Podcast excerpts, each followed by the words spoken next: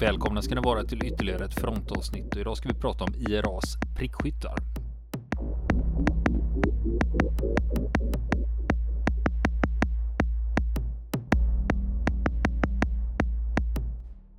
Ja du Niklas, vi pratar ju prickskyttarna i, på Nordirland. Ja, men det var inget finlir förra gången. När vi... Nej, det var ju det här eh, överfallet med två eh, kulsprutor och en eh, G3.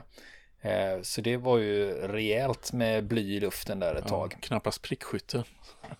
Nej, inget finlir. Men de var faktiskt, det här KSB-gänget, de, det finns, om man googlar lite, så finns det videoklipp för att de var inte blyga för att visa upp sig för media, nämligen. Okej. Okay. Eh, utan det finns alltså filmat av eh, en tv-kanal som gör typ studiebesök fast med eh, IRA-männen här, de är ju maskerade i och för sig. Så de visar upp vad de har och hur farliga de är. Så att eh, om man vill eh, kika på det. Var det före eller efter jag misstänker att, att det här måste ha varit före. Mm. så att nu är det ju så med den här eh, kulsprutan. GPMG då eller KSP 58. De var ju inte ovanliga. De, men det, har tillverkats, vad var det vi sa, 200 000 exemplar. Så tror jag vi sa i vårt avsnitt om just KSP 58. Så fanns ju spritt liksom.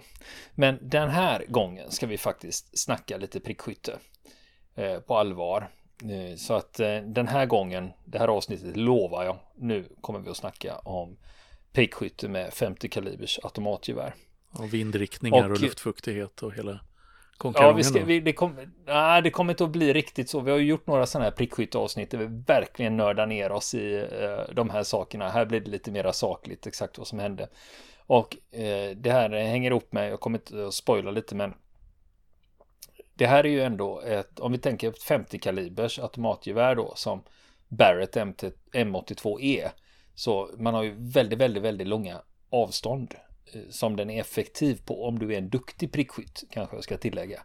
Men IRA, de sköt i stort sett aldrig på något större avstånd än 150 meter.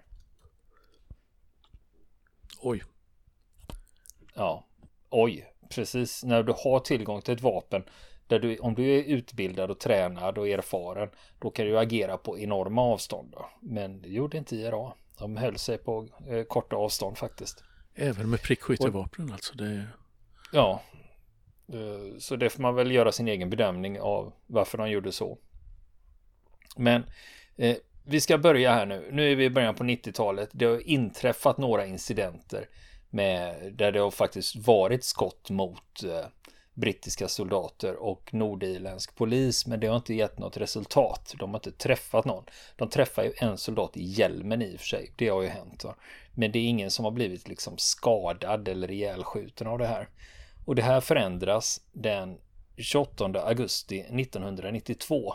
Och det här är orten Crossmaglen som jag har nämnt flera gånger redan.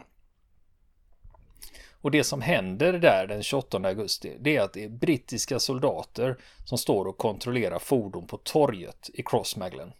Och nu är det ju så att det är som är patruller, fotpatruller ute. Sen hade man också skyttevärn utplacerade på olika platser där man kunde sitta och bevaka Eh, vad som hände. Och sen hade man också bevakningstorn på sina, på sina ställen. Och det går att, googlar man lite på det här så går det att se bilder på hur det här såg ut. Och det hade man ju liksom av rädsla för att bli attackerad så satt man i skydd då till exempel i ett skyttevärn. Men det som händer den här dagen det är att det är brittiska soldater som kontrollerar fordon på torget i centrala Crossmaglen. Och då i närheten så finns det ett sånt där stationärt skyttevärn då där soldater sitter och spanar och övervakar.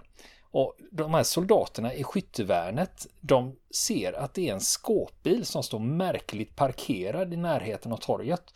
Och allting som avviker från normen är ju liksom värt att rapportera. Men det här höjs dessutom av att de gör en iakttagelse när de sitter och spanar där. För utanför den här skåpbilen så rör det sig en känd IRA-medlem. Och då är det ju läge att trycka på knappen och säga att det här är illa va. Alltså de och ser detta då alltså? Att... De ser den här. Eh, de ser en, en skåpbil, den står parkerad konstigt och de ser en person röra sig och de identifierar honom som en IRA-medlem. Och alltså rycker de till sig radion och rapporterar in det högre upp då. Att uh, vi har gjort en iakttagelse, det är en skåpbil i närheten av torget i Crossmaglen och utanför, utanför den här skåpbilen så rör sig den och den. De kunde ju namnet på den här personen också. Så de rapporterar in det och militära underrättelsetjänsten är det som då tar emot det här och ska analysera det här. Och då, de betraktar det som att det är mycket hög risk att en attack är nära förestående. Men problemet är att de hinner inte skicka ut det här till patrullen som är på torget och kontrollerar fordon. För hade de fått den här rapporten om den här iakttagelsen, då hade de antagligen avbrutit det här med fordonskontroll och bara packat ihop och stuckit därifrån. Va? För nu var det hög risk att det skulle hända någonting.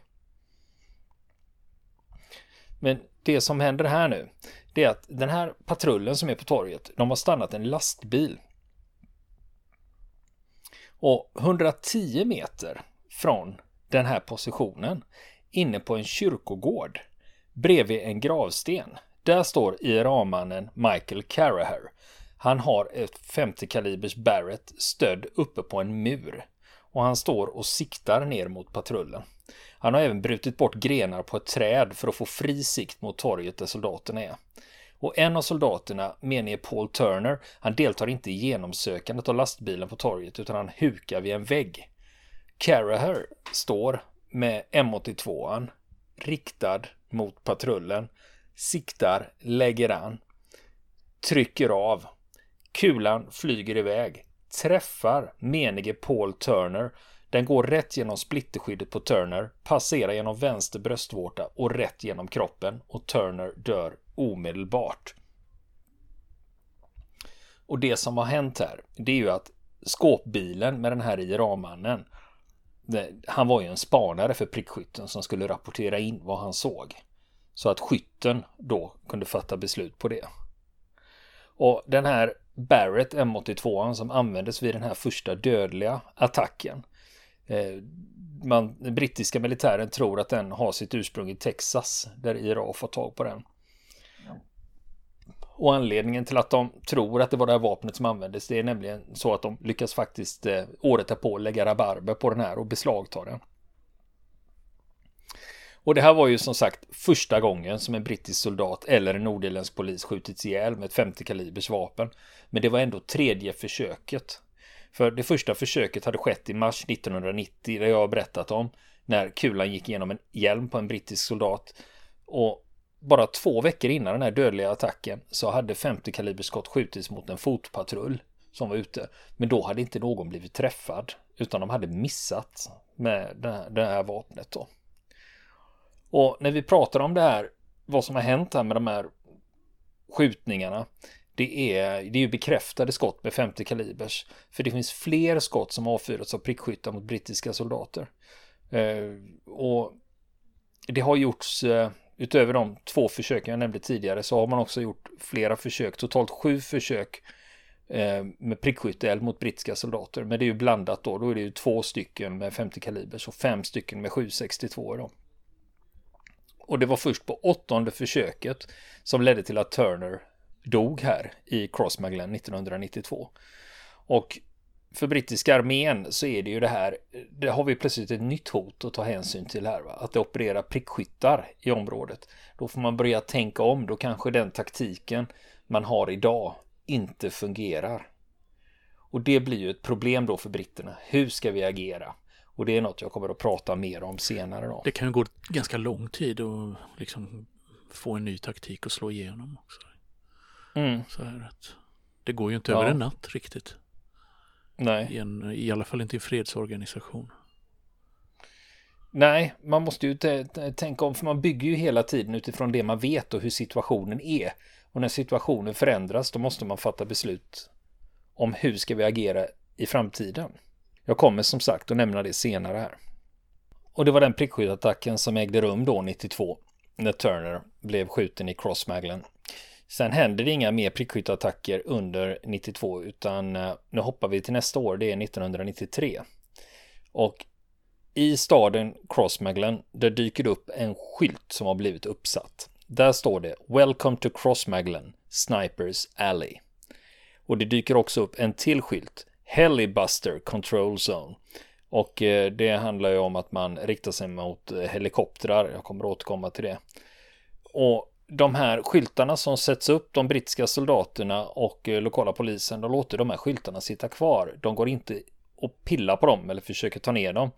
För 1978 skulle en brittisk soldat ta ner en irländsk flagga och den var försåtsminerad och eh, soldaten avled i den här explosionen. Och det här skedde just i Crossmaglen, samma stad alltså. Och det gör ju att de har en hög vaksamhet. Eh, det är ingen, de tycker inte det är värt det va. Då är det bättre att skylten får sitta kvar. Och det är också under 1993 som skyltarna som är de här legendariska som spreds ut i media. De skyltarna som dök upp då, där står det Sniper at Work. Eh, och det är en parodi på de brittiska varningsskyltarna för vägarbeten, för där står det Men at Work. Men här är det alltså Sniper at Work. Och det är en triangelformad varningsskylt med en prickskydd på. Och så är det en tilläggstavla under med texten Sniper at Work. Och de här prickskytteattackerna som fortsätter sen, de påverkar moralen för de brittiska soldaterna i South Armagh. Till exempel så vidtogs disciplinära åtgärder mot soldater från en pluton från Royal Scots. Eh, de hade fått order om att genomföra fordonskontroller. Men de lämnar inte basen. Så istället satt de kvar inne på basen och hittade på registreringsnummer och lämnade sen in rapport på vilka fordon de hade kontrollerat. De blev upptäckta och åkte dit på det här. Va? Och det säger ju en del om mm, moralen. Va? Hur villig är du att kliva utanför basen och riskera att utsätta dig för det här? Va? Och det är ju det som prickskyttar det är ju egentligen, det är ju, det är just då, det är ju inte, det är, vad vi ska säga, vi kan kalla det en terrorhandling på det viset att du sätter skräck i motståndaren. Du får motståndaren att bli rädd och byta beteende. Så det är ju en psykologisk effekt det här. Och Nästa prickskytteattack som inträffar, det är 1993. Eh, det är orten Fork Hill. Och det är 17 mars. Ringer den dagen? Eh, det datumet, säger det dig någonting? 14 mars. 17 mars. Aha. 17 mars, nu får jag se. Nej, nu... Om, om du tänker Irland? Och 17 mars är det någonting Jaha, som... du tänker så. ja, jag tänker så. ja, okej. Okay. Då, pratar Var... vi, då pratar vi om självständigheten. St. Patrick's Day. Ja. Ja, just det. St. Patrick's Day. Ja, ja. St. Patrick's Day, 17 mm. maj. Det är ju, eh, St. Patrick är ju eh, Irlands skyddshelgon då. Mm, just och just den här just det här datumet så är det en brittisk patrull som är ute och de är i orten Forkill och då får de rapporter om att en person har synts springa på Church Road inne i Forkill. Och du vet, allting som rapporteras in, när det är något som avviker, då betyder det att nu kan det vara något skit på gång. Va? Så patrullchefen, Dixon heter han, han tar med sig soldaten McWhirr och de hoppar över en mur och genar över en kyrkogård och kommer via en grind ut på Church Road. Pang! Precis när de kliver ut på Church Road, då smäller det. Patrullchefen träffas av ett skott och avlider. Och den springande personen på Church Road, det var ett lockbete för att få dit soldaterna. För det var en prickskytt som hade riggat där. Så han låg färdig att knäppa så fort han fick en soldat i siktet. Och det var exakt det som hände. För precis när de kom ut på Church Road, då smäller det. Patrullchefen tar en kula. Och det visar sig senare att den här kulan har avfyrats från ett vapen. Och det, då är det kaliber 762 den här gången. Så det var ingen 50 kalibers. Sen går det tre månader. Då är det den 26 juni 1993. Då är det på basen Newton Hamilton. Där ligger det en menig i sin koj. Han heter John Randall. Han tillhör Duke of Edinburghs Royal Regiment. Och han skriver brev till sin flickvän. Och han har varit i South Armagh nu i 11 veckor. Han skriver vi ska ut på patrull ikväll. Och han säger också i sitt brev till sin flickvän att jag och två, tre andra, vi är övertygade om att det kommer att hända någonting ikväll. Och anledningen till vi tror det, det är det att det har varit så lugnt länge nu. Så nu borde det hända något liksom. Just det, tystnaden är lika misstänkt som Ja, men det är just det. Mm. Om du befinner dig i ett område där det händer grejer emellanåt så kan du ju bara gå si så länge innan det faktiskt händer någonting. Och det är exakt samma kväll som han har skrivit det här brevet till sin flickvän. Då är de ute på patrull på kvällen och klockan är kvart över sju. Och Randall han bär på en lätt kulspruta och de har passerat en flod och är ute på ett fält. Då plötsligt, pang, då kommer det ett skott från en häck. Kulan träffar hans vapen och två kulfragment går in i magen på honom och ut genom hans vänstra sida. Och inom några sekunder så är han medvetslös och sedan avlider han av de här skadorna. Och det visar sig senare att de här kulfragmenten är också från en 762. Så det är ju fler, eh, det vet man ju efterhand då att det är ju mer än en skytt som är ute och opererar här.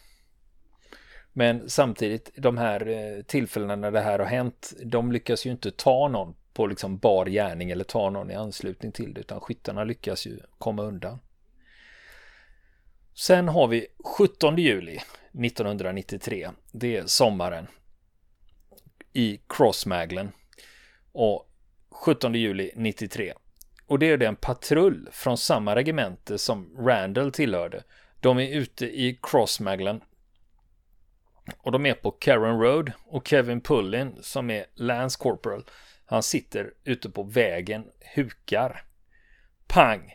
En kula träffar honom, går rakt genom splitterskyddet, passerar genom hans två dogtags och senare återfinns blykärnan från kulan i hans vattenflaska han har i ryggsäcken. Och en av hans kamrater i patrullen säger efteråt att det var en så kraftig smäll att vi direkt fattade att det rörde sig om en 50 kalibers.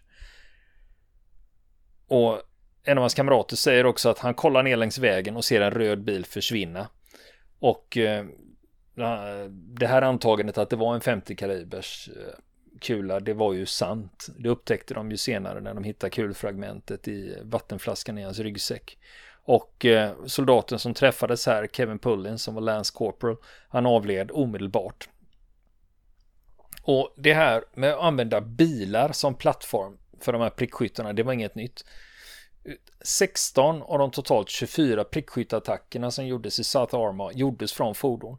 Och de, det var inte samma bil eller samma typ, utan det de använde sig av det var kombi, skåpbil eller jeep. Och då hade man bakre delen av fordonet, då hade man satt på en pansarplåt bak till med en öppning för skytten som man kunde skjuta igenom. Och pansarplåten var till för att skydda skytten och fordonet från eld om de hamnade i eldstrid med soldaterna eller poliserna. Och IRA hade också utvecklat en taktik hur de förflyttade sina prickskyttefordon i South Arma. Och det, de hade fler spanarbilar ute. Som körde först på parallella vägar. Och om en av dem upptäckte en vägspärr, då rapporterade de in det så prickskyttebilen kunde välja en annan väg. Och då leddes den in på en annan väg och fortsatte bakom en annan spanarbil. Så det viktigaste var hela tiden att prickskyttebilen klarade sig och inte fastnade i en vägspärr. Och den här typen av rörlig spaning som de då hade med fordon, det var inte bara det man hade. Man hade också ett nätverk av spanare ute i South Arma som, som de hade kontakt med. Och spanare, eh, britterna kallade spanarna för dickers. Och en dicker kunde då få i uppdrag att hålla uppsikt över en militärbas eller en väg eller en korsning eller en byggnad och rapportera in aktiviteter. Och de här spanarna, Dickers, de visste oftast inte vad uppdraget gick ut på i sin helhet, utan de hade bara fått uppgift håll utkik där, säg till om det händer någonting. Eller också rapportera in om det inte händer någonting. Så att de visste oftast inte vad det här handlade om. Om det var fråga om en sprängning, en skjutning, smuggling eller någon transport av något slag. De visste bara att jag har fått i uppdrag att göra det här och rapportera in det och då gjorde de det. Men det här var ju vinter tidpunkt då det fortfarande var rätt sällsynt med mobiltelefoner. Ja. Så ja, hur, precis. Ja, har du någon aning om hur de hur det gick till när de nej, rapporterade Nej, det, man hade ju walkie-talkies. Det fanns ju. Eh, och sen fanns det ju tidig mobiltelefoni. Fanns ju också. Eh, de första de här, i Sverige hade vi NMT-systemet på den här tiden. Så det fanns ju, men jag ska inte säga, jag har inte lagt ner mycket tid på att leta efter hur man skötte sambandet. Så det kan jag faktiskt inte svara på. Men om vi går vidare här så var det en brittisk major som tjänstgjorde i området. Han fick frågan av sina soldater att det här med prickskyttarna, vad kan vi göra för att skydda oss från dem? Och majoren svarade att ja, bara goda kunskaper om hur man uppträder som infanterist. Och soldaterna blev besvikna. De hade hoppats på att det fanns någon magisk lösning som kunde vaccinera dem från prickskyttehotet. Men det var det vanliga när man pratar om infanteri och hur de rör sig ute. Det är rörelse, kamouflage, rör dig i skuggor, inga blanka objekt. Håll dig dold om du kan, ta inga onödiga risker, förflytta er taktiskt, täck varandra, håll koll på flankerna. Och som exempel så nämnde majoren, kolla på Royal Green Jackets. Det är ett eh, välrenommerat infanteriregemente. Eh, och samma sak nämnde han också The Coldstream Guards. Det är också ett välkänt infanteriregemente som är erkänt duktiga. De tillhör Gardesdivisionen. Och så tog han slutligen och sa, ja, kolla även på våra fallskärmsjägare, Paris. För de här duktiga infanteriförbanden som var ute, de, de var inte drabbade av prickskytteförluster.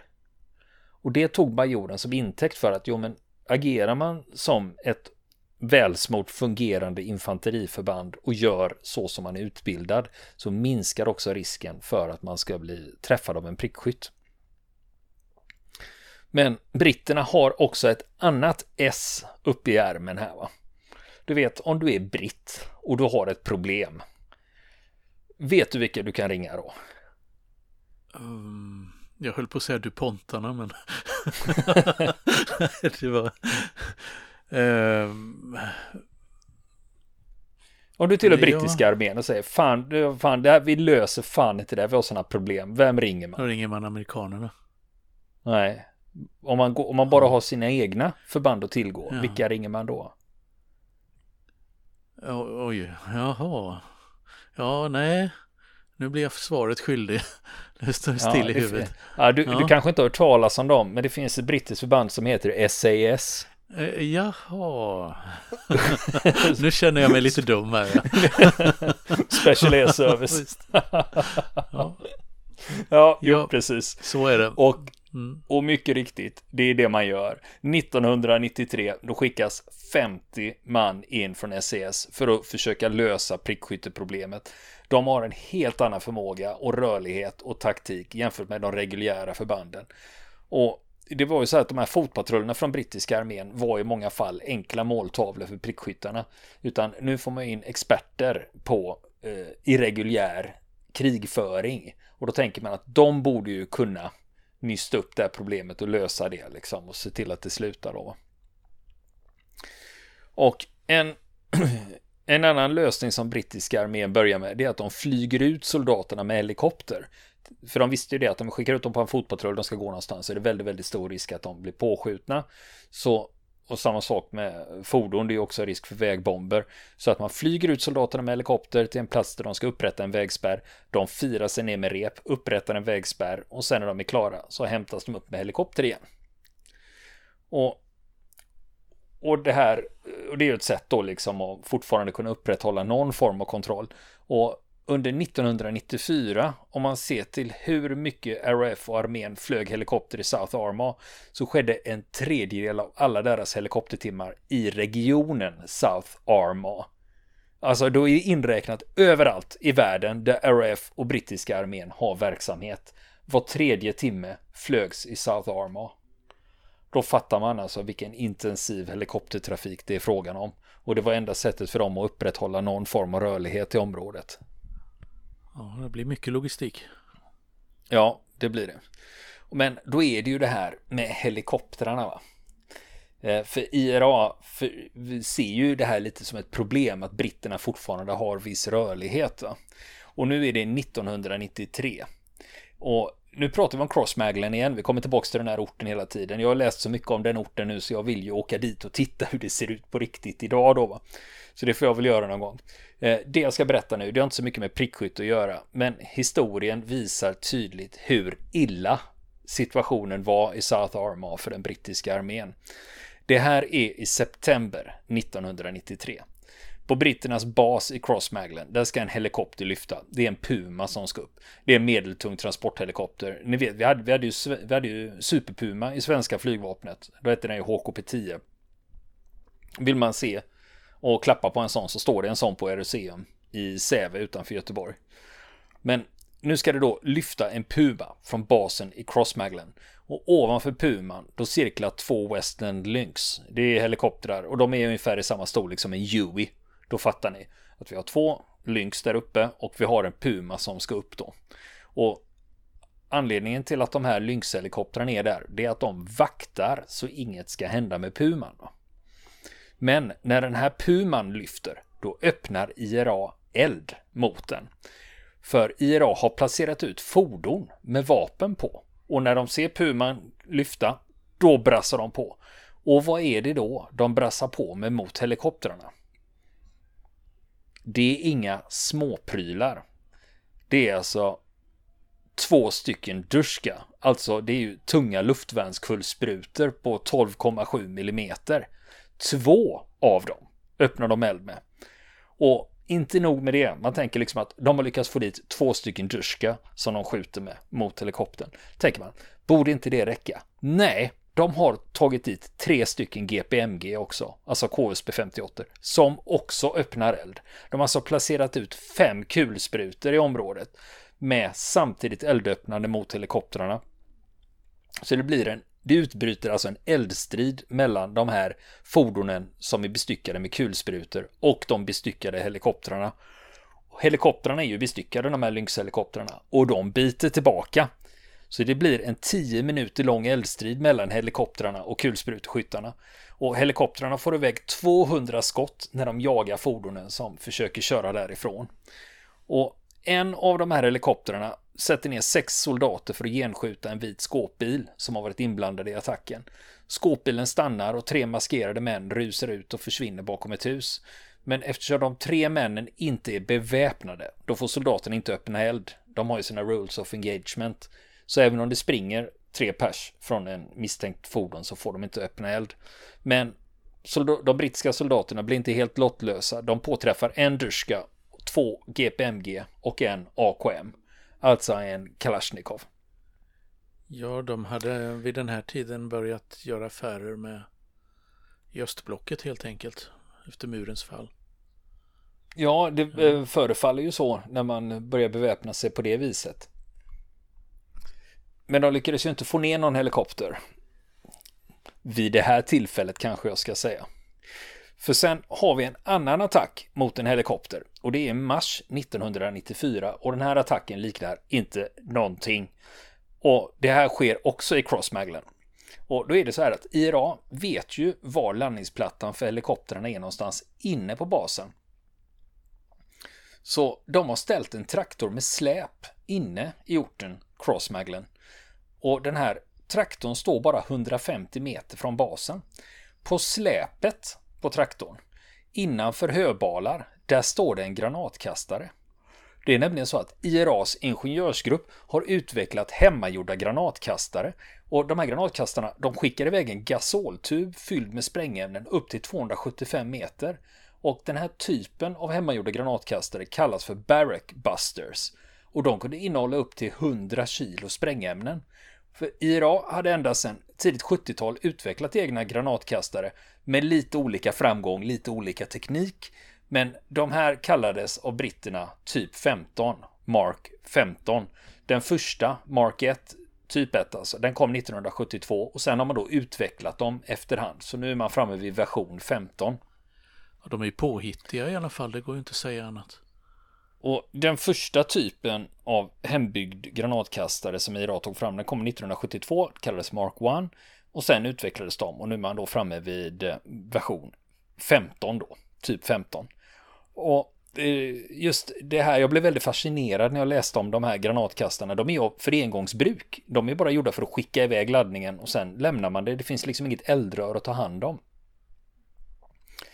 Och det var den här typen av hembyggda granatkastares för engångsbruk som man använde i attackerna mot Downing Street 1991 och Heathrow 1994. I attacken mot Downing Street då parkerar man en skåpbil 180 meter från målet. Och målet är 10 Downing Street. Och i den här skåpbilen då hade man tre granatkastare. Och alla lyckades faktiskt skickas iväg. Två träffar en större grönyta varav en exploderar, en är blindgångare. Men den tredje träffar bara 27 meter från sitt mål. Den träffar på bakgården till 10 Downing Street. Och inne på 10 Downing Street där sitter premiärminister John Major med sitt krigskabinett i möte om Irakkriget när det plötsligt smäller av en granat utanför. och två poliser får skador av splitter. Och, men det här är egentligen bara 27 meter från att John Major och krigskabinettet och Storbritanniens ledande politiker hade dödats i den här granatattacken. Och sen hade man också, eh, så det är ju nära va. Eh, och sen i den här skåpbilen så hade man också riggat en brandbomb. Och det var så att skåpbilen skulle fatta eld efter att granaterna hade skjutits iväg. Och, eh, och det var, gjorde man för att förstöra bevis så det inte skulle gå att hitta någonting efteråt. Och även den här brandbomben fungerade för den här skåpbilen brändes ut helt. Men nu ska vi tillbaka till Crossmaglen och eh, kvällen för granatkastarattacken mot helikopterplattan. Jag har ju sagt det, det står ju en traktor med släp inne i Crossmaglen. Och en Lynx-helikopter hovrar 30 meter över landningsplattan.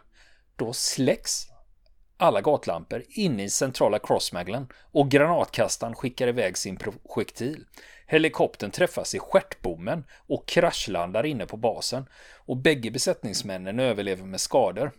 Och då undrar man ju det här med varför släcktes gatlyktorna inne i Crossmaglen samtidigt som granaten sköts iväg? Jo, granatkastaren var fjärrstyrd och kopplad till gatlyktorna. Det betydde att när du bröt strömmen till gatlyktorna, då avfyrades granatkastaren. Det innebar att den som avfyrade granatkastaren inte behövde vara i närheten av traktorn med släpet, utan bara någonstans i crossmaglen där det gick att bryta strömmen till gatlyktorna. Fyndigt, måste man ändå säga. Enorm ingenjörskonst. Så det räcker ju att du, typ, nu vet ju inte jag hur de är uppbyggda med säkringar och sånt, men det kan ju räcka att du är i andra delen av centrala crossmaglen när du ser helikoptern att den är på plats. Att du bara kortsluter inne i en gatlykta så hela, hela systemet lägger av. Då bryts strömmen, då grana, går granatkastaren iväg. Eh, sen har man också lyckats med en annan framgång här för, från IRAs sida. Det var att man lyckas träffa en Puma med granatkastare också. Det här var ju en Lynx man hade träffat i Crossmaglen. Men i orten New, Newton Hamilton, då lyckas man 94 träffa en Puma. Och då blir det också en kraschlandning med skadade besättningsmän. Men det blir ingen, inga, ingen som omkommer där. Nu har vi snurrat ut lite på 10 Downing Street och lite granatkastarattacker, men jag lovar att nästa vecka ska vi tillbaka och nysta mera i prickskyttarna och hur de gick tillväga. Vill ni komma i kontakt med oss så kan ni göra det via vår Facebook-sida som heter Fronten. Det är inga problem för er att leta er fram där. Eller också så mejlar ni på vår mejladress och det är frontenpodcastgmail.com.